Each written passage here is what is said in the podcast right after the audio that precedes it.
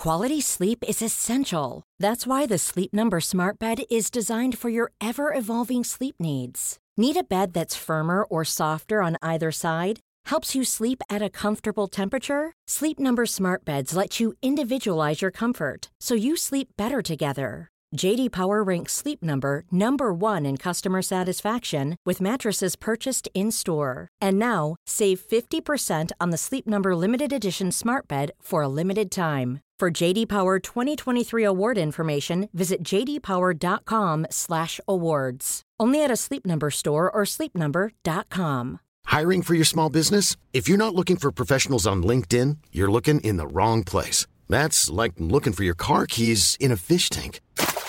LinkedIn helps you hire professionals you can't find anywhere else, even those who aren't actively searching for a new job but might be open to the perfect role. In a given month, over 70% of LinkedIn users don't even visit other leading job sites. So start looking in the right place. With LinkedIn, you can hire professionals like a professional. Post your free job on linkedin.com slash people today. Even on a budget, quality is non-negotiable. That's why Quince is the place to score high-end essentials at 50 to 80% less than similar brands. Get your hands on buttery soft cashmere sweaters from just 60 bucks, Italian leather jackets, and so much more. And the best part about Quince, they exclusively partner with factories committed to safe, ethical, and responsible manufacturing. Elevate your style without the elevated price tag with Quince. Go to quince.com slash upgrade for free shipping and 365-day returns. Fredagen den 12 juni 2009 checkade en man in på ett hotell i den lilla staden Sligo på Irland. Den informationen han uppger är då en adress och att hans namn är Peter Bergman. Bara ett par dagar senare hittas hans livlösa kropp och några av hans tillhörigheter vid en av områdets närliggande stränder. Det visar sig dock vara omöjligt att identifiera den här mannen och polisen försöker sedan under flera månaders tid att pussla ihop själva händelseförloppet som ledde fram till hans mystiska dödsfall. Under utredningens gång börjar mannens beteendemönster bli mer och mer förbryllande och den viktigaste frågan av dem alla har fortfarande inte kunnat besvaras. Vem var egentligen mannen som kallade sig Peter Bergman?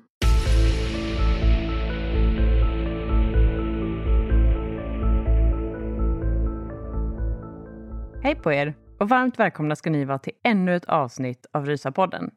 Och den här veckan så ska vi prata om ett väldigt märkligt ämne. Och det är ju nämligen fallet Peter Bergman.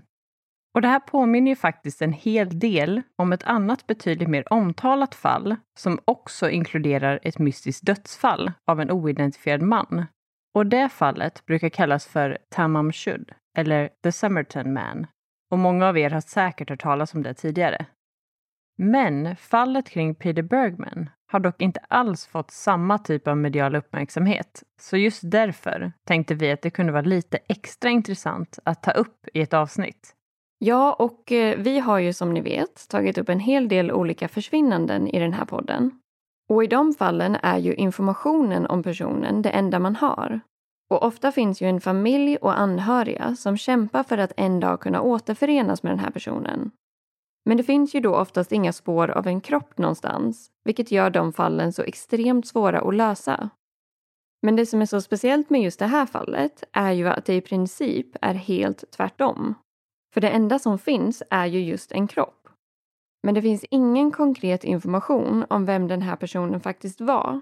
Utan man vet bara att han valde att kalla sig för Peter Bergman.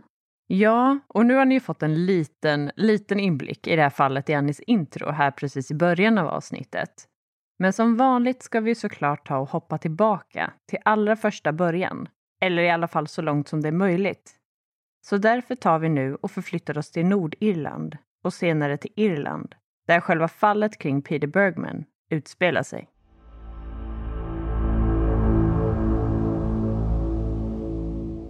Man kan säga att själva fallet kring den här mannen började fredagen den 12 juni 2009.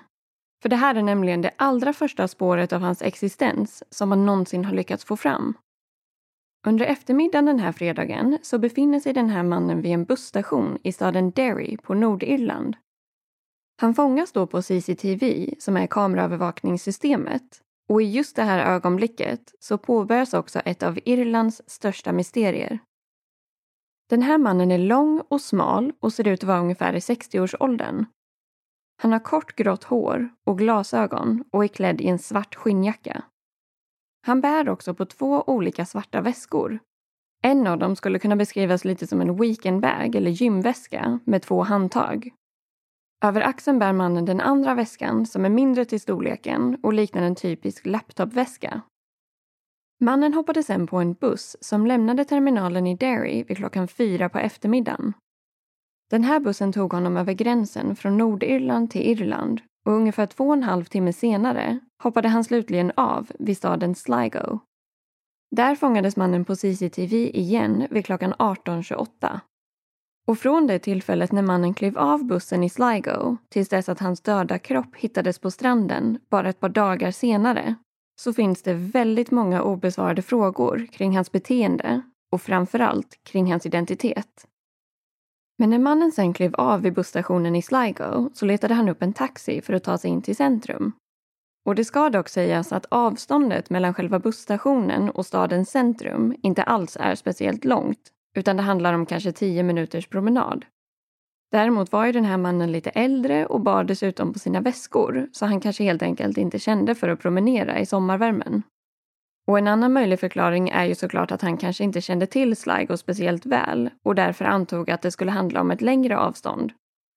Men oavsett vad så hoppade mannen in i en taxi och han bad sen chauffören att köra honom till ett hotell som hade rimliga priser per natt. Och chauffören började då med att köra mannen till ett hotell som låg på Connolly Street. Men dessvärre visade det sig ganska snabbt att de var helt fullbokade. Och juni månad är en väldigt populär tid för turister att besöka Sligo så därför var det inte speciellt konstigt att det inte fanns något ledigt rum på första försöket. Så de körde därför vidare i jakten på nästa hotell och stannade till slut vid Sligo City Hotel som ligger på Quay Street. Och även här syns mannen på CCTV när han kommer in genom huvudentrén till lobbyn och receptionen på hotellet. Och klockan var då 18.52. Och efter det här ser man hur mannen får hjälp att checka in av personen som arbetade i receptionen. Han bokade in tre nätter inklusive frukost i ett enkelrum och betalade sedan hela summan på en gång i kontanter.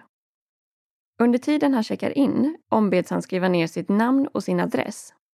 Och det namnet som han då anger är Peter Bergman, stavat med två n på slutet. Och den adressen som han skrev ner var Einstettersen 15, 4472 Wien. Alltså en adress i Österrike. Och personen som jobbade i receptionen har uppgett att det lät som att den här Peter hade en kraftig tysk eller österrikisk brytning när han pratade engelska. Så därför kändes det nog också ganska så naturligt att både namnet och framförallt adressen som han angav verkade ha en koppling till just Österrike. Och när man bor på hotell så brukar man ju alltid få lämna in sitt pass eller någon annan typ av identifikation. Och det här var ju såklart vanligt förekommande även år 2009. Och faktumet är ju till och med att det redan på den här tiden fanns strikta lagar om att hotell och andra typer av boenden måste kunna styrka och bekräfta sina gästers identitet. Men dessvärre kan man ju tänka sig att det på vissa platser slarvas en hel del med det här. Och det här var ett av de tillfällena. För det var nämligen så att när Peter checkade in så behövde han inte visa någon form av identifikation utan det enda han lämnade efter sig var ett namn och en adress. Och med tanke på att han betalade för sina tre nätter i förskott med kontanter så fanns det ju såklart inget sätt att kunna spåra honom via betalningen heller. Men Peter tilldelades i alla fall rum nummer 705 och den här fredagskvällen började sen sakta och lida mot sitt slut. Och för lite kontext kring den här staden så ligger Sligo i princip allra längst upp vid den norra delen av Irland, precis vid gränsen till Nordirland. Och Sligo har en befolkning på ungefär 20 000 personer men är välbesökt av turister som lockas av stadens vackra natur och stränder, framförallt under sommarsäsongen. Och staden är också känd för att den hyllade författaren och nobelpristagaren William Butler Yeats växte upp där. Så av den anledningen finns det också en hel del olika byggnader och platser runt om i Sligo som är döpta efter honom. Och det var alltså på Sligo City Hotel som Peter Bergman nu hade checkat in och spenderat en av sina tre nätter. Så det var nu lördagen den 13 juni. Och hittills var det ju faktiskt ingenting som framstod som speciellt konstigt eller ovanligt med Peters besök i Sligo. utan han var en äldre manlig turist som hade tagit bussen dit och sen checkat in på ett hotell där han skulle bo i ett par dagar.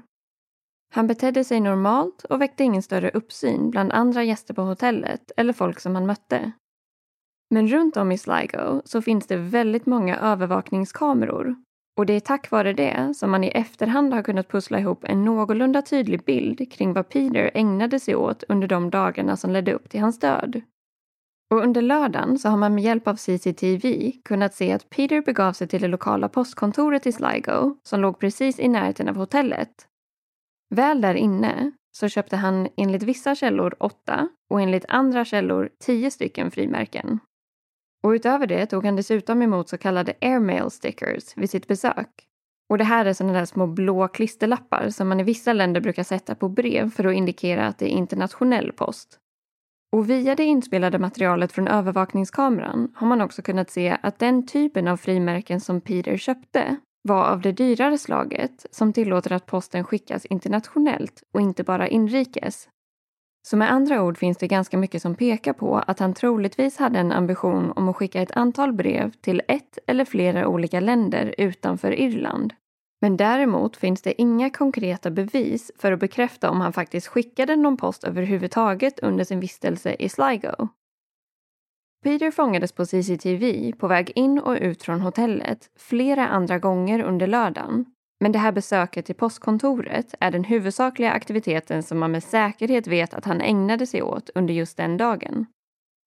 Och dagen därpå, alltså söndagen den 14 juni, så fick taxichauffören Gerard Higgins syn på Peter utanför hotellet. Han hade då en karta i handen och försökte få tag i en ledig taxibil. Gerard insåg snabbt att det här uppenbarligen var en turist som behövde hjälp att ta sig någonstans och han hoppade därför ur bilen för att erbjuda sina tjänster. Peter ska då ha förklarat att han ville åka till en lugnare strand där han kunde simma och att han hade kikat på ett ställe i närheten som hette Strand Hill. Gerard förklarade då att det inte var en optimal strand just för att simma och rekommenderade istället en annan strand som heter Rosses Point. Peter ska då ha sagt att det lät bra och därefter hoppade han in i taxin. Och enligt Gerard småpratade de två männen under bilresan upp till Rosses Point och bland annat ska Peter då ha berättat att han var från Österrike. Han frågade även om det var möjligt att ta bussen till den här stranden som de nu var på väg till. Gerard förklarade då att det regelbundet gick bussar till och från stranden, ungefär en gång i timmen. Och som taxichaufför träffar man ju såklart på en hel del olika människor.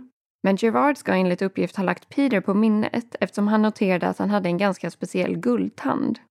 Och just den här guldtanden noterades även vid den senare obduktionen av Peters kropp, vilket ytterligare bekräftar att det faktiskt var han som hade åkt i Gerards taxi under söndagen.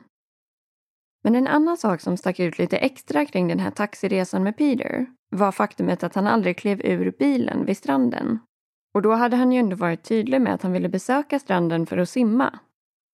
Så när de kom fram till Rosses Point och stannade till vid parkeringen så ska Peter snabbt bara ha kollat ut över stranden, tagit in den imponerande utsikten och verkat vara nöjd över valet av strand. Och därefter ska han ha frågat Gerard om han istället kunde köra honom till busstationen i Sligo. Så en stund senare tog den här taxiresan slut och Peter betalade då för sig och släpptes av vid stationen som han hade önskat. Han fick då också med sig Gerards visitkort ifall han skulle behöva beställa fler taxis under sin vistelse. Men det skulle dock inte bli några fler taxiresor för Peter eftersom natten mellan söndagen till måndagen var den sista som han skulle spendera på Sligo City Hotel. Och dessutom den allra sista natten som han skulle spendera i livet.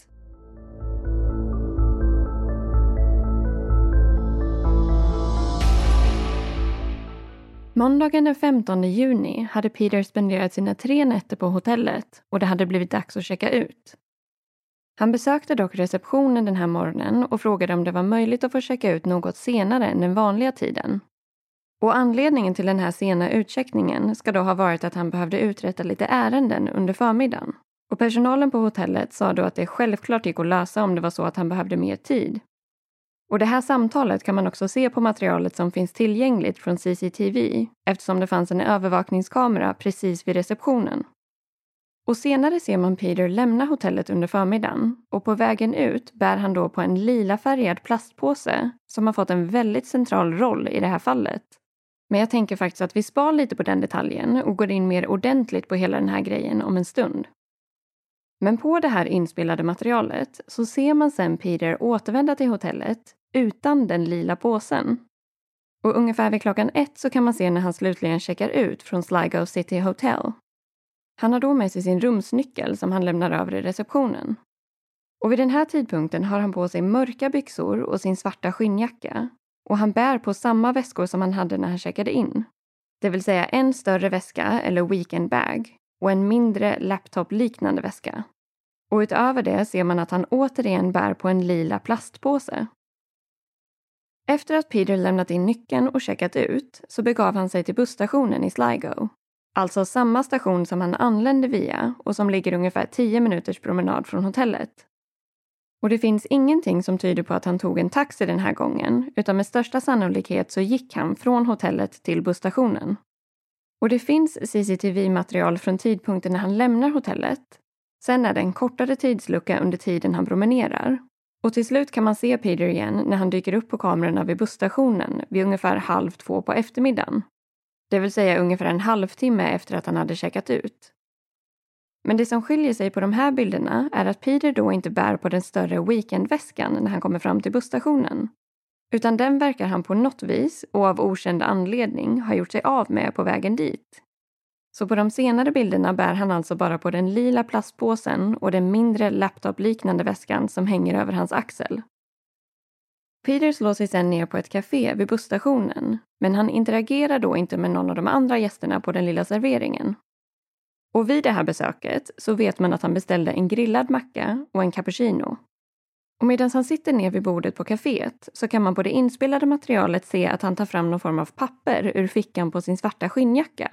Och därefter skriver han ner någonting på det här pappret. Men ganska direkt efter så börjar han riva upp det i små, små bitar. Och dessvärre har man aldrig kunnat hitta det här pappret, eller snarare de små bitarna som fanns kvar av det. Så det är ju därför omöjligt att veta vad han skrev ner och om det hade någon betydelse överhuvudtaget. Och kort efter det här finns ett vittnesmål från en man som jobbade på busstationen.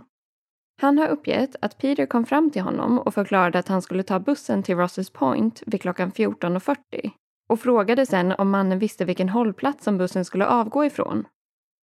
Mannen svarade då med den efterfrågade informationen och Peter vände sig sen om och försvann därifrån utan att säga tack för hjälpen.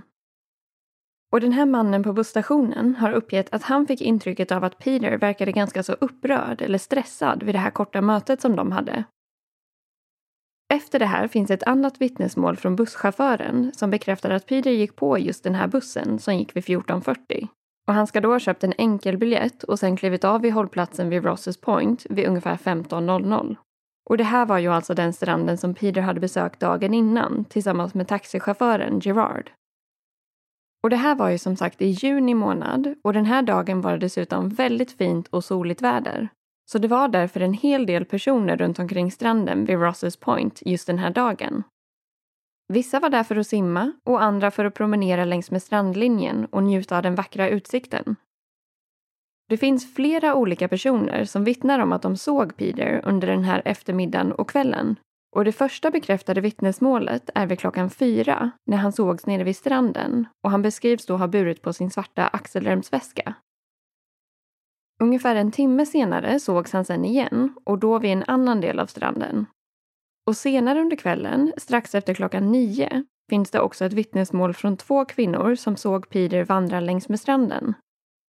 Efter det här, ungefär vid halv tio på kvällen, så får paret Dermot och Paula Lahif syn på honom. De satt då nämligen i sin bil på parkeringen för att titta på solnedgången. De ser då mannen som senare skulle visa sig vara Peter vandra längs med stranden. I och med solnedgången blev hans siluett väldigt tydlig i det gyllene ljuset och det här ska då ha gjort att de verkligen la märke till honom extra mycket. Vid den här tidpunkten gick han barfota vid vattenkanten och hade på sig sin svarta jacka och upprullade byxor och det här paret har beskrivit att han vandrade metodiskt fram och tillbaka med vad de uppfattade som stor eftertänksamhet. Nästan som om han utförde någon form av ritual. Men vid den här tidpunkten tänkte de inte mycket mer på det hela utan reflekterade mest över att det var en väldigt vacker syn att se den här mannens siluett vid vattnet i det varma och guldfärgade ljuset från solnedgången. Och strax efter det här så gick solen ner helt och det började bli mörkt ute. Det blev sen mer och mer folktomt på stranden, även om ett fåtal personer fortfarande dröjde sig kvar för att njuta av sommarkvällen. Men trots att det nu var färre personer ute så finns det ändå ett antal vittnen som har noterat Peter på stranden senare under kvällen. Och det här var vid halv elva, elva och tio över elva. Och samtliga vittnen har dessutom uppgett att han då ska ha burit på en plastpåse. Det var dock inte den lila plastpåsen som vi var inne på tidigare. Och den allra sista gången som någon säger sig ha sett Peter i livet var vid tio i tolv, alltså precis innan midnatt. Och den kvinnan som såg honom har även hon uppgett att han då bar på en plastpåse och att han gick längs med vattnet. Flera av de här vittnena har uppgett att en av de sakerna som gjorde att de noterade Peter var att de tyckte att han kändes lite överklädd för någon som bara skulle promenera på stranden och att det snarare såg ut som att han skulle iväg på ett jobbmöte eller liknande. Och enligt uppgift ska Peter ha hälsat på några av de här vittnena när deras vägar möttes. Men utöver det ska han inte ha pratat eller interagerat med någon annan under de timmarna han spenderade på stranden. Så utifrån alla de vittnesmålen som finns tillgängliga så verkar det helt enkelt som att han bara hade vandrat omkring för sig själv. Från det att han kom dit vid tretiden tills dess att han sågs till för sista gången precis innan midnatt. Dagen efter det här, alltså tisdagen den 16 juni, så befann sig en man vid namn Arthur Kinsella på stranden vid Rosses Point. Och det här var väldigt tidigt på morgonen, strax efter klockan sex. Och det låg en lätt dimma över strandområdet. Arthur hade också med sig sin son Brian. Och anledningen till att de var där så pass tidigt var att Brian hade anmält sig till ett triathlon och ville vara ute i god tid den här dagen för att hinna med sin träning. Så han sprang iväg och hoppade i vattnet för att simma medan Arthur fortsatte att promenera längs med stranden. Han noterade då att det låg någonting vid strandkanten som verkade ha sköljts upp med vågorna från havet. Och det tog sen inte många sekunder innan han insåg att det han hade hittat var en död människa som låg med ansiktet ner i sanden. Han blev såklart extremt chockad av den här synen och ropade direkt på sin son.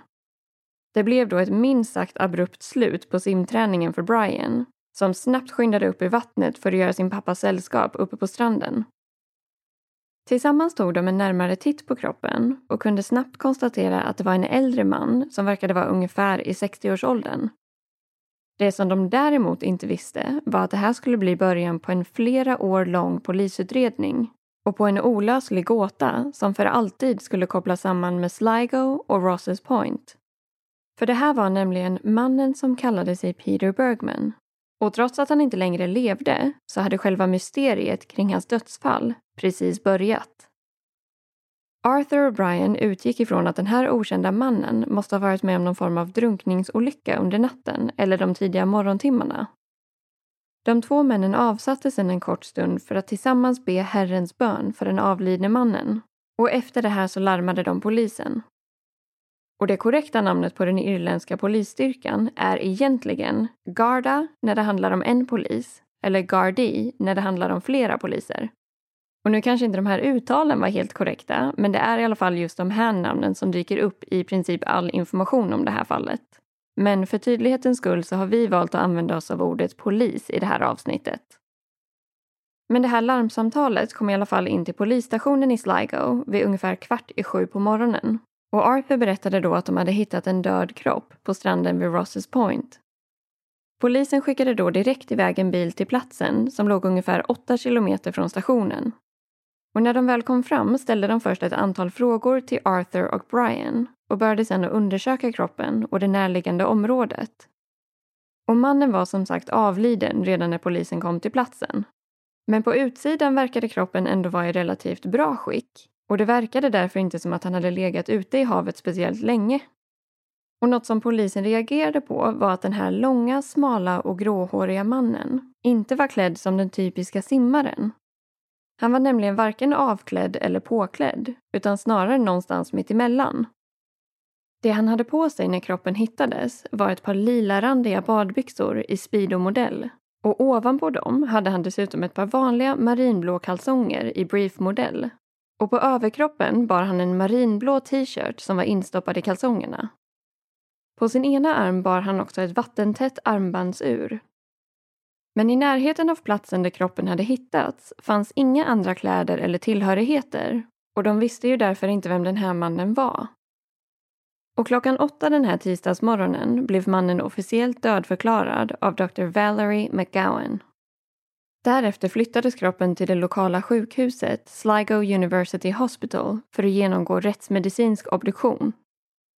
Polisen stannade däremot kvar på platsen för att fortsätta genomsöka området i hopp om att hitta några ledtrådar kring den här mannens identitet. Och efter ett tag hittade de då en hög med kläder som låg prydligt ihopvikta på en sten längre bort på stranden. De utgick ifrån att det här var den avlidne mannens tillhörigheter och det här kunde senare bekräftas med hjälp av alla de vittnen som hade träffat på honom på stranden dagen och kvällen innan. De plaggen som hittades på stranden var i alla fall ett par svarta skor i läder som var i storlek 44, ett par mörka strumpor, en svart skinnjacka, ett par marinblå byxor i chinos modell, en svart tröja eller väst och slutligen också ett svart läderbälte. Och den gemensamma nämnaren för alla de här kläderna inklusive de plaggen som mannen hade på sig, var att alla lappar och tvättråd hade blivit borttagna. Däremot var inte det här speciellt noggrant gjort, så vissa av märkena syntes fortfarande. Bland annat var ett av plaggen från Tommy Hilfiger och några andra var från en klädkedja som heter CNA som har butiker i flera olika länder runt om i världen. Och skorna var av märket Finn Comfort som tillverkas i Tyskland och utspritt bland olika fickor på de här klädesplaggen så hittades också en del andra tillhörigheter.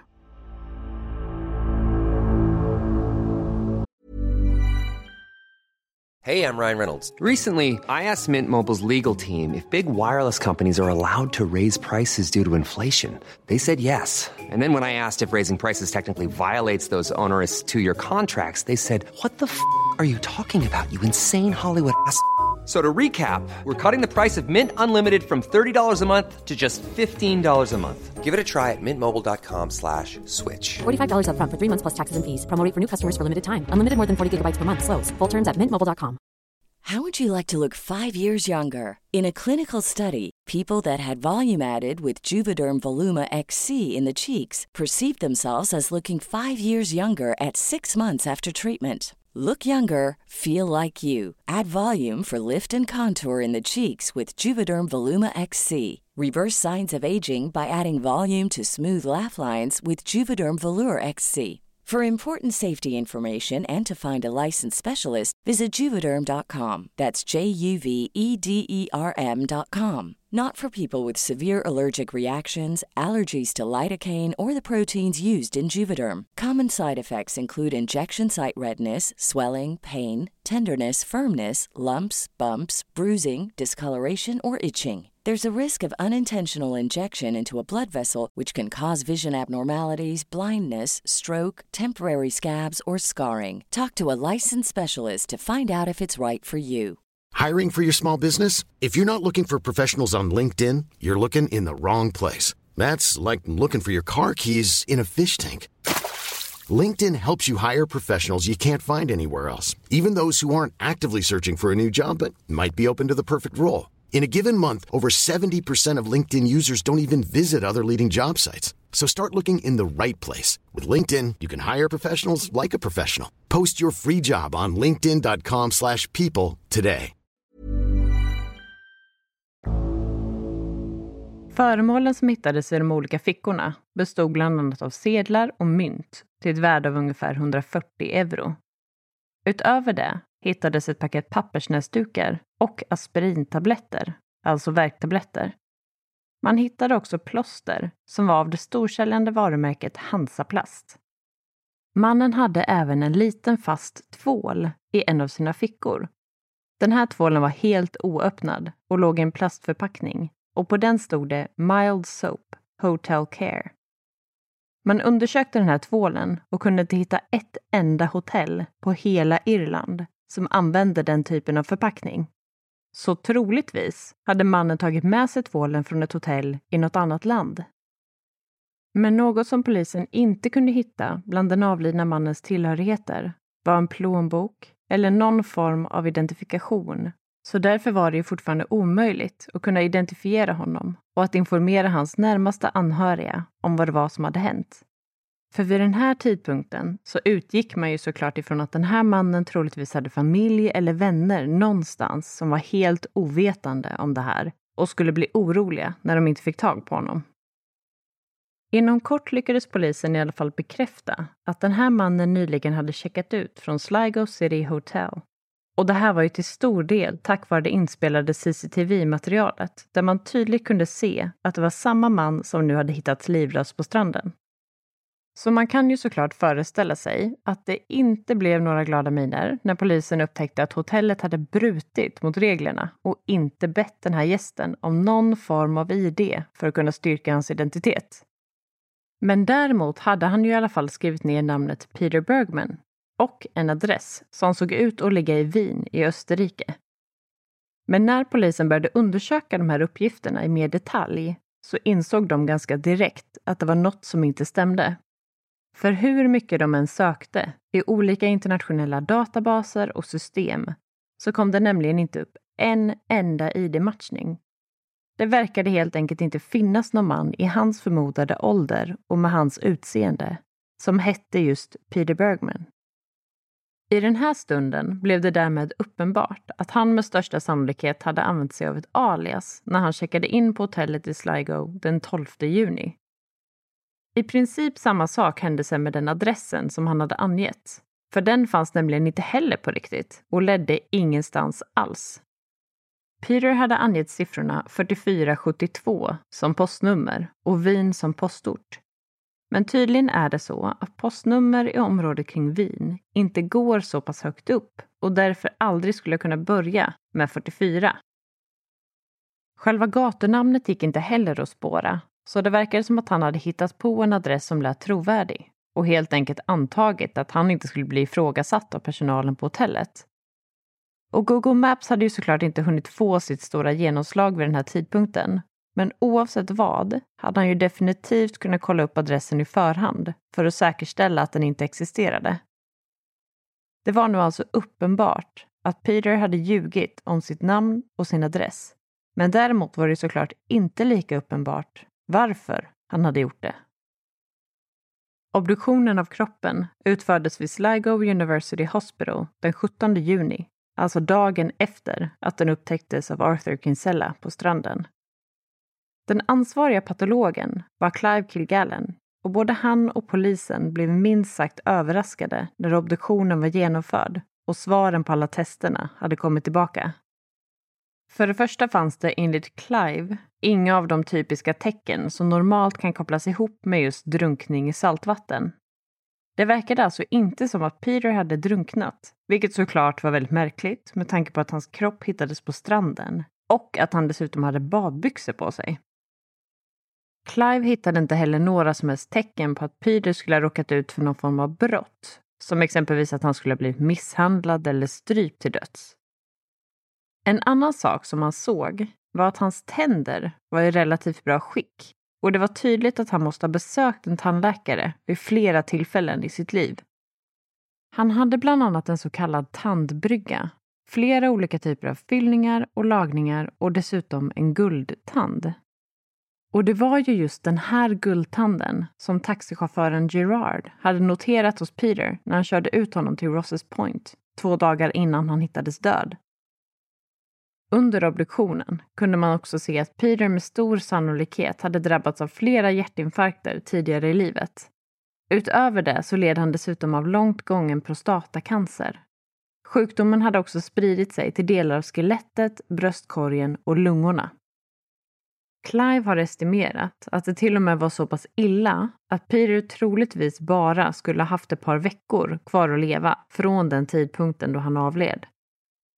Och det som känns märkligt i allt det här är att när man kollar på de här inspelningarna från CCTV så ser Peter ändå relativt pigg och hälsosam ut. Han är absolut väldigt mager, men inte på ett sätt som gör att han ser extremt sjuk ut.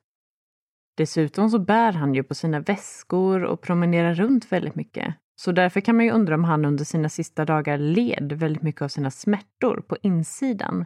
Men att det helt enkelt bara inte syntes utåt. Den stora frågan är ju såklart också om han var medveten om hur pass sjuk han faktiskt var. Och när patologen Clive har uttalat sig om det här har han sagt att Peter måste ha varit medveten om att han led av en allvarlig sjukdom. Han kanske inte visste vad den exakta diagnosen var, men vid det sjukdomsstadiet som han befann sig i skulle han omöjligt ha kunnat ignorera sjukdomens alla symptom, som bland annat är just viktminskning. I samband med obduktionen så utförde man också tester för olika typer av läkemedel och substanser men hittade då inga spår av smärtlindring, varken vanliga receptfria tabletter som paracetamol eller starkare läkemedel som till exempel morfin. Och som jag nämnde tidigare så hittades ju bland annat aspirintabletter bland Peters tillhörigheter på stranden. Men det fanns konstigt nog inga spår av att han nyligen skulle ha tagit den typen av tabletter.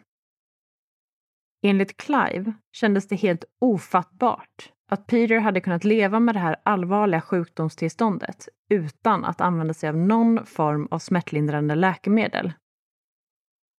Men obduktionen visade ju som sagt att Peter varken hade drunknat eller blivit mördad, utan den officiella dödsorsaken fastställdes till plötsligt hjärtstopp. En möjlig teori är ju därför att han eventuellt kan ha drabbats av hjärtstopp när han simmade eller var på väg ut i vattnet. Men trots att man nu visste betydligt mer om Peters hälsotillstånd och själva dödsorsaken så fanns det ju såklart väldigt många obesvarade frågor kring den här mannen. Polisen hade fortfarande inte lyckats identifiera honom, utan det enda man hade var ju som sagt en kropp, ett alias och en påhittad adress. Polisen hade dessutom säkrat DNA-prover och fingeravtryck från kroppen och den här informationen cirkulerades runt till relevanta myndigheter och polis både på Irland men också internationellt. Men ingenstans fanns det någon information om den här mannen som kallade sig Peter Bergman. En omfattande utredning hade nu dragit igång och polisen ägnade väldigt mycket tid åt att försöka pussla ihop och kartlägga Peters sista dagar i livet. Det här inkluderade ju såklart de tre nätterna som man visste att han hade spenderat på Sligo City Hotel med hjälp av bland annat vittnesmål från olika personer i området och inspelningar från CCTV på hotellet och runt om i Sligo så lyckades polisen till slut få en överblick över Peters sista dagar i livet. Och några av de här vittnesmålen kom ju bland annat från de personerna eller vittnena som vi har nämnt tidigare i avsnittet. Som till exempel de personerna som hade sett honom på stranden eller körde honom i taxi eller jobbade på hotellet där han bodde. Polisen lyckades sen till slut pussla ihop den tidslinje som vi nu har gått igenom. Nämligen att det första spåret av Peter var i staden Derry där han hoppade på bussen till Sligo och anlände på eftermiddagen, fredagen den 12 juni. Därefter checkade han in på Sligo City Hotel och bodde där i tre nätter. Under lördagen så besökte han det lokala postkontoret för att köpa frimärken och under söndagen så åkte han ut till Rosses Point för att sedan återvända till Sligo kort därefter. På måndagen checkade han ut runt klockan ett och tog därefter bussen ut till Rosses Point. Han spenderade hela eftermiddagen och kvällen där för att tidigt morgonen efter hittas död på stranden av Arthur och Brian Kinsella. Och det här var ju i stora drag vad Peter hade ägnat sig åt under sina sista dagar i livet. Men i samband med att polisen gick igenom det inspelade CCTV-materialet i mer detalj så började Peters beteendemönster plötsligt kännas väldigt märkligt.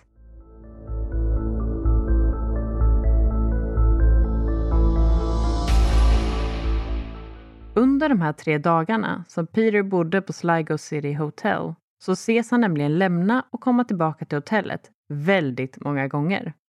Vid hela 13 olika tillfällen ses han lämna hotellet med en lila plastpåse i handen. Men när han sen återvänder så är den borta. Och det här är alltså den mystiska och omtalade lila plastpåsen som Annie nämnde tidigare i avsnittet.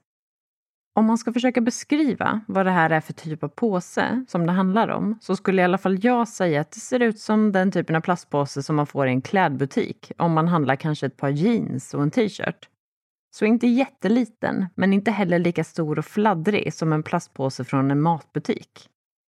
Själva färgen på påsen är som sagt lila och den är inte genomskinlig nog för att man ska kunna se vad som döljer sig inuti, utan det enda man kan se är lite konturer av innehållet.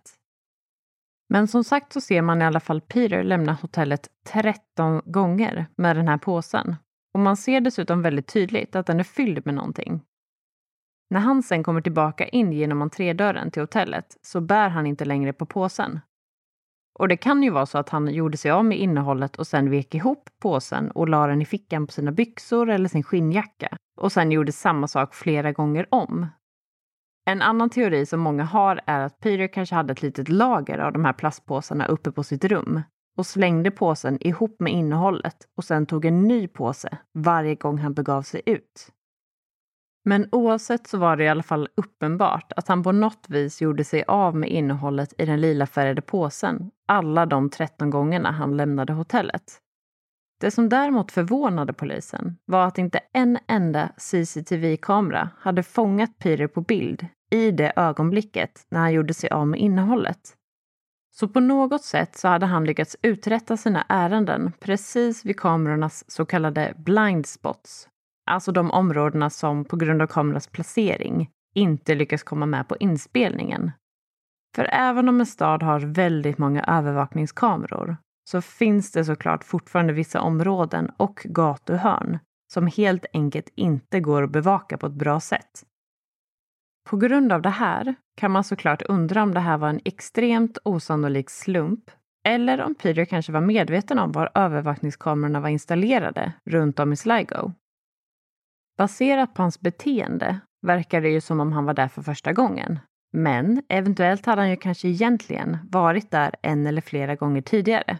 Eller så hade han helt enkelt bara lyckats lista ut vilka platser som inte var övervakade av CCTV. Men det finns de som till och med misstänker att Peter hade någon form av militär eller polisutbildning och därför visste exakt hur man skulle kunna utnyttja kamerornas blindspots. Och framför allt så finns det en stark misstanke om att det här inte bara var ett medvetet beteende utan att det dessutom var planerat in i minsta detalj.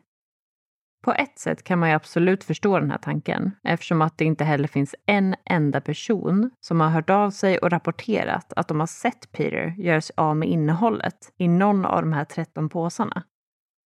Det här är ändå lite märkligt med tanke på att hotellet ligger väldigt centralt i Sligo och att allting dessutom skedde mitt på blanka dagen. Enligt uppgift var han inte heller borta överdrivet länge vid sina promenader och av allt att döma så hade han inte tillgång till någon bil, cykel eller annat transportmedel. Så därför kan han ju inte ha tagit sig speciellt långt för att göra sig av med påsarnas innehåll. Om det istället var så att han hade tagit en taxi så borde det ju rimligtvis ha funnits något vittnesmål kring det här mötet. Det finns dessutom bilder från olika butiker och andra platser runt om i Sligo där man via deras CCTV-kameror faktiskt kan se att han vandrar omkring för sig själv med just den här lila färgade påsen. Men sen försvinner han ur bild och man har då ingen aning om vart han tar vägen. Och därefter är påsen helt plötsligt borta när han fångas på bild nästa gång. En väldigt märklig sak i det här är också att polisen sökte igenom alla tänkbara platser i Sligo för att kunna hitta de här påsarna, eller själva innehållet som han hade gjort sig av med. Och det här i hopp om att kunna hitta någon ledtråd om vem han faktiskt var, som till exempel ett pass eller en plånbok. Den här omfattande genomsökningen inkluderade bland annat privata bostäder, soptunnor, garage, parker och till och med den lokala soptippen. Men de hittade då ingenting. Lite samma sak gäller även de frimärkena som han köpte på postkontoret under lördagen. För det finns inspelat material som visar när Peter köper de här frimärkena. Men det finns inga som helst bevis för att han någonsin postade eller på något annat vis gjorde sig av med några brev. Frimärkena hittades ju inte heller bland hans tillhörigheter på stranden, så någonstans tog de ju vägen. Och en genomgående detalj i allt inspelat material är att man aldrig ser Peter interagera eller prata med någon annan person utöver de anställda på hotellet eller busstationen. Det finns nämligen en teori om att han kanske kunde ha mött upp en eller flera personer för att lämna över innehållet i de lila påsarna. Men samtidigt så finns det inga kamerabilder som visar honom prata i eller använda mobiltelefon, vilket skulle kunna göra det ganska svårt att mötas upp så pass många gånger. Alternativet skulle ju dock kunna vara att han hade haft en mobiltelefon på hotellrummet eller att alla möten var noggrant planerade i förväg. Något som det däremot finns bilder av är när Peter röker en cigarett. Men man hittade däremot ingen tändare eller cigarettpaket bland hans tillhörigheter. Ett annat föremål som aldrig hittades var Peters glasögon som han har på sig i princip varje gång som han fångas på bild. Däremot skulle de ju såklart ha kunnat ramla av ute i vattnet om han hade haft dem på sig när han begav sig ut. Men det var ju faktiskt heller inte bara de lila plastpåsarna som Peter gjorde sig av med innan sin död. För dels gjorde han sig av med sin weekendbag någon gång mellan det att han checkade ut till dess att han kom fram till busstationen i Sligo, där han satte sig på kaféet. Utöver det hade han ju även en mindre, laptopliknande väska som inte heller hittades på stranden. Så den måste han ju också ha gjort sig av med vid något tillfälle. En helt annan sak som polisen upptäckte under utredningens gång var faktumet att det inte fanns några som helst spår av hur Peter Bergman hade tagit sig in i landet. Det fanns nämligen ingenting som tydde på att en man vid det namnet, eller personbeskrivningen, nyligen hade befunnit sig vid någon av de flygplatserna som finns på Nordirland eller Irland. Polisen misstänkte därför att han i sitt riktiga namn eventuellt hade flugit in till någon av de andra flygplatserna som finns runt om i Storbritannien. Därifrån kan han sedan ha tagit färjan över till Nordirland och åkt vidare till staden Derry. För som sagt så är det ju vid busstationen i Derry som det allra första spåret av Peter syns på CCTV-materialet. Och på grund av att Nordirland är en del av Storbritannien så utför man inte några direkta passkontroller på färjorna som går däremellan. Åker man sedan buss från Nordirland över gränsen till Irland så brukar man normalt inte heller behöva visa sitt pass. Och man vet ju i alla fall att Peter åkte buss via just den här rutten och att han till slut klev av i Sligo på fredagskvällen. Så polisen visste helt enkelt inte var han kom ifrån, vem han var och varför han hade valt att åka till just Sligo. Det man däremot visste var att han hade valt att dölja sin identitet genom att lämna ett alias och en falsk adress. Att han under sin vistelse i staden strategiskt och noggrant gjorde sig av med någon form av tillhörigheter. Att han hade klippt av alla etiketter på sina kläder, inklusive de plaggen han hade på sig när han hittades död. Att han var allvarligt sjuk och troligtvis bara hade några veckor kvar att leva att han köpte frimärken i en prisklass som tillät att posten skickades internationellt. Att han befann sig på stranden så sent som vid midnatt och vid något tillfälle klädde av sig och gick ner i havet. Och att han slutligen avled till följd av plötsligt hjärtstopp, även om man inte vet exakt hur det här gick till. Men däremellan finns ju väldigt många obesvarade frågor och polisen har än idag inte lyckats identifiera den här mannen och kan inte heller svara på exakt vad det var som hände eller vad syftet med hans besök i Sligo faktiskt var. Under årens lopp har inga anhöriga eller bekanta hört av sig till polisen och sagt att de känner den här mannen eller vet någonting om hans identitet. Och då ska man ju faktiskt komma ihåg att det har gått över tio år sedan den här händelsen ägde rum. Men en vanligt förekommande teori i det här fallet är att Peter helt enkelt insåg att hans liv var på väg att ta slut och att han därför valde att avsluta sitt liv på sina egna villkor och på sitt sätt. Det är dock väldigt oklart varför han var så mån om att skydda sin identitet och att inte avslöja någon personlig information om sig själv. Men kanske var det så att hans plan var att gå ner till vattnet och låta Atlantens tidvatten svepa med honom ut till havs och att han aldrig någonsin skulle hittas igen för om hans intention var att dränka sig själv så var det troligtvis inte meningen att hans kropp skulle sköljas upp på stranden senare och leda till en så här pass omfattande polisutredning. Det finns också många som misstänker att Peter använde de frimärkena som han köpte till att skicka iväg avskedsbrev eller en sista hälsning till sina anhöriga i Österrike eller vart han nu kom ifrån. I de här breven finns ju såklart en möjlighet att han önskade att bara få försvinna från jordelivet helt anonymt och att de anhöriga faktiskt bara har respekterat det här under alla de här åren. Men sen kan man ju såklart också spekulera kring faktumet att Peter var ute och simmade mitt i natten. För även om det finns en hel del som pekar på det så är det ju inte alls säkert att han ens ville dränka sig den här natten. Det kan ju faktiskt ha varit så att han älskade att simma när det var mörkt och ingen annan var i närheten. Även om man själv kanske inte skulle göra det så kan man ju ändå förstå charmen och att det skulle kunna vara lite skönt och fridfullt på något vis. Och eventuellt kanske han då drabbades av plötsligt hjärtstopp när han var på väg ut i det kyliga havsvattnet. För enligt uppgifter från obduktionen så hade han ju en historik av hjärtproblem, så det skulle ju dessvärre ha kunnat hända igen. Men den här gången vid helt fel tillfälle, när han befann sig helt själv ute i vattnet. Men om det nu var så att han hade planerat att dränka sig själv den här natten så kan det ju såklart också kännas lite väl slumpmässigt att han precis då, i just den stunden, istället råkar drabbas av plötsligt hjärtstopp. Och på tal om det här så finns det dessutom en del spekulationer kring om Peter medvetet kan ha tagit någon form av drog eller läkemedel ute i vattnet som gav honom plötsligt hjärtstopp. Sen kanske man inte testade för just den här substansen i samband med obduktionen, vilket gjorde att det aldrig upptäcktes. Men eftersom det finns så pass många obesvarade frågor i det här fallet så finns det ju såklart också väldigt många teorier där ute, där vissa kanske känns lite mer trovärdiga än andra. Några exempel är bland annat att Peter skulle ha varit involverad i någon form av kriminell aktivitet. Att det inte alls var personliga tillhörigheter i de lila plastpåsarna som han gjorde sig av med, utan att det istället var pengar eller droger. En annan handlar om att Peter faktiskt ville lämna bakom sig ett oförklarligt mysterium kring sin identitet och död. Vissa har också spekulerat kring om Peters mystiska död på något vis kan ha varit kopplad till försäkringspengar. Men det finns väldigt mycket som talar emot den teorin. Bland annat att han valde att dölja sin identitet och att de flesta försäkringsbolag inte ens betalar ut någon ersättning om man misstänker självmord. Faktumet att Peter valde att åka till just Sligo finns det såklart också en hel del teorier om. För det verkar ju absolut vara en lugn och vacker plats.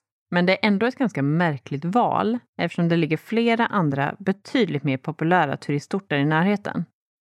Men en teori kring detta är att Peter kanske hade en stark kärlek till William Butler Yeats, alltså den kända författaren som växte upp i Sligo och har inspirerat mycket av staden i sina verk. Man kan ju också tänka sig att Peter kanske hade varit där som barn eller i sin ungdom och mindes Sligo som en vacker plats där han ville spendera sina allra sista dagar i livet.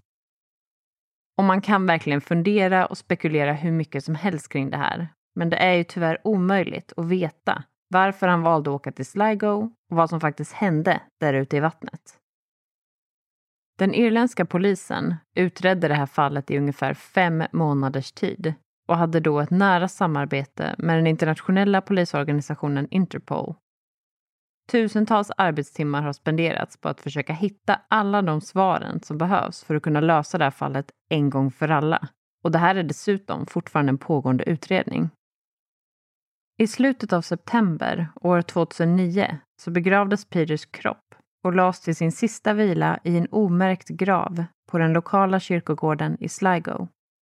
Men själva mysteriet om hans riktiga identitet och hans död kommer nog troligtvis alltid att förbli en olöslig gåta.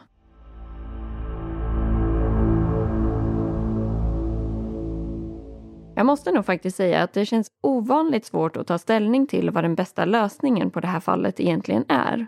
För på ett sätt vill man ju såklart inget hellre än att man en dag ska kunna identifiera den här mannen för det vore ju väldigt tragiskt om det är så att han faktiskt har en familj eller anhöriga någonstans där ute i världen. Och att de går runt och tror att han helt plötsligt bara försvann. Och om inte annat vore det såklart en lättnad för alla de som har jobbat med det här fallet och själva utredningen och få veta sanningen och kunna lägga det bakom sig. Men samtidigt tänker man ju också på att om hans sista önskan i livet var att bara få försvinna och faktiskt vara mannen som aldrig fanns, då vill man ju såklart respektera det också. Ja, alltså på ett sätt borde man ju kanske bara lägga ner den här utredningen och gå vidare. Speciellt om hans sista önskan var att få behålla sin identitet hemlig och bara få försvinna på sina egna villkor. Men samtidigt kanske det inte alls var så att han försökte radera sitt förflutna för att ta sitt eget liv. Innehållet i de där lila plastpåsarna kan ju till exempel ha varit helt oskyldigt och oviktigt. Och hans dödsfall kan ju faktiskt ha varit en väldigt tragisk olycka. Och då vore det ju såklart väldigt synd att lägga ner utredningen. För man vet ju aldrig. Någon skulle ju fortfarande kunna träda fram efter alla dessa år och komma med helt ny information i fallet. Ja, man vet ju aldrig. Men apropå det du sa precis så ska det ju erkännas att vi inte känner oss helt övertygade om att Peter hade intentionen att ta sitt eget liv den här natten. Men det verkar dock som att vi är ganska ensamma om den uppfattningen. Men att det finns extremt många märkliga och oförklarliga detaljer i det här fallet går ju verkligen inte att förneka. Och det här inspelade CCTV-materialet som vi har nämnt under avsnittet går ju faktiskt att se på flera olika hemsidor och på Youtube. Och det är faktiskt lite obehagligt att se bilderna av den här långa, smala, gråhåriga mannen när han vandrar omkring för sig själv med den här omtalade lila plastpåsen. Ja, man skulle ju så gärna vilja veta vad som låg i alla de här påsarna och vad han egentligen hade för sig under det här besöket i Sligo. Men oavsett vem han var och vad hans förflutna var så finns det ju såklart också en stor sorg i allt det här. För i slutändan så led ju Peter Bergman av en väldigt allvarlig och smärtsam sjukdom. Och förmodligen så var han ju också fullt medveten om att hans liv var på väg att ta slut. Och i det tillståndet är det nog faktiskt omöjligt för utomstående att kunna avgöra vad som är rationellt eller normalt beteende. Så det får man nog ändå ha lite i åtanke när man pratar om det här fallet. Ja, och det är nog tyvärr väldigt lätt att glömma bort den detaljen bland alla galna teorier och spekulationer som finns där ute. Men som vi var inne på tidigare så har faktiskt inte fallet kring Peter Bergman fått överdrivet mycket medial uppmärksamhet. Och det var först år 2013 som det blev mer internationellt känt. Och det var när filmskaparen Kieran Cassidy producerade en kortfilm om det här fallet. Och den här filmen är ungefär 18 minuter lång och heter The Last Days of Peter Bergman i den här filmen så har han klippt ihop väldigt mycket av allt det inspelade CCTV-materialet som finns tillgängligt. Så har ni 18 minuter till övers så kan vi absolut rekommendera att se den. Ja, och så sent som 2019 så släppte också The Irish Times en podcast i tre delar om det här fallet som heter Atlantic, The Unsolved Mystery of Peter Bergman och det är då en av deras journalister, vid namn Rosita Boland, som har jobbat med det här fallet under en längre period och intervjuat olika personer som på ett eller annat sätt har varit inblandade i utredningen. Så det är verkligen en otroligt välgjord och intressant poddserie för den som vill djupdyka ännu mer i det här fallet. Ja, och med det sagt så har vi ju faktiskt nått slutet av ännu ett avsnitt här. Men vi hoppas i alla fall att ni har tyckt att det här varit ett intressant fall att ta del av och innan det är dags att säga hej då vill vi bara skicka med en liten reminder om att ni hemskt gärna får hjälpa oss att sprida ordet om podden. Och det här kan ni göra på ett snabbt och smidigt sätt genom att lämna ett betyg och eller en recension på iTunes eller Apple Podcasts. Och man är ju själv alltid ute efter fler poddar att lyssna på. Så om ni tror att en vän, släkting eller kanske en kollega skulle gilla Rysa-podden så är det bara att tipsa på. Ja, och vi har ju förstått att det är många av er som lyssnar på den här podden som gör det eftersom ni har blivit tipsade om den av någon som ni känner. Så tusen tack till alla er som har rekommenderat podden vidare och har hjälpt oss att växa och hitta nya lyssnare. Men även om det nu är slutpratat för idag så hörs vi som vanligt igen nästa måndag. Och som alltid vill vi skicka med ett stort tack för att just du har lyssnat på det här avsnittet av Rysapodden.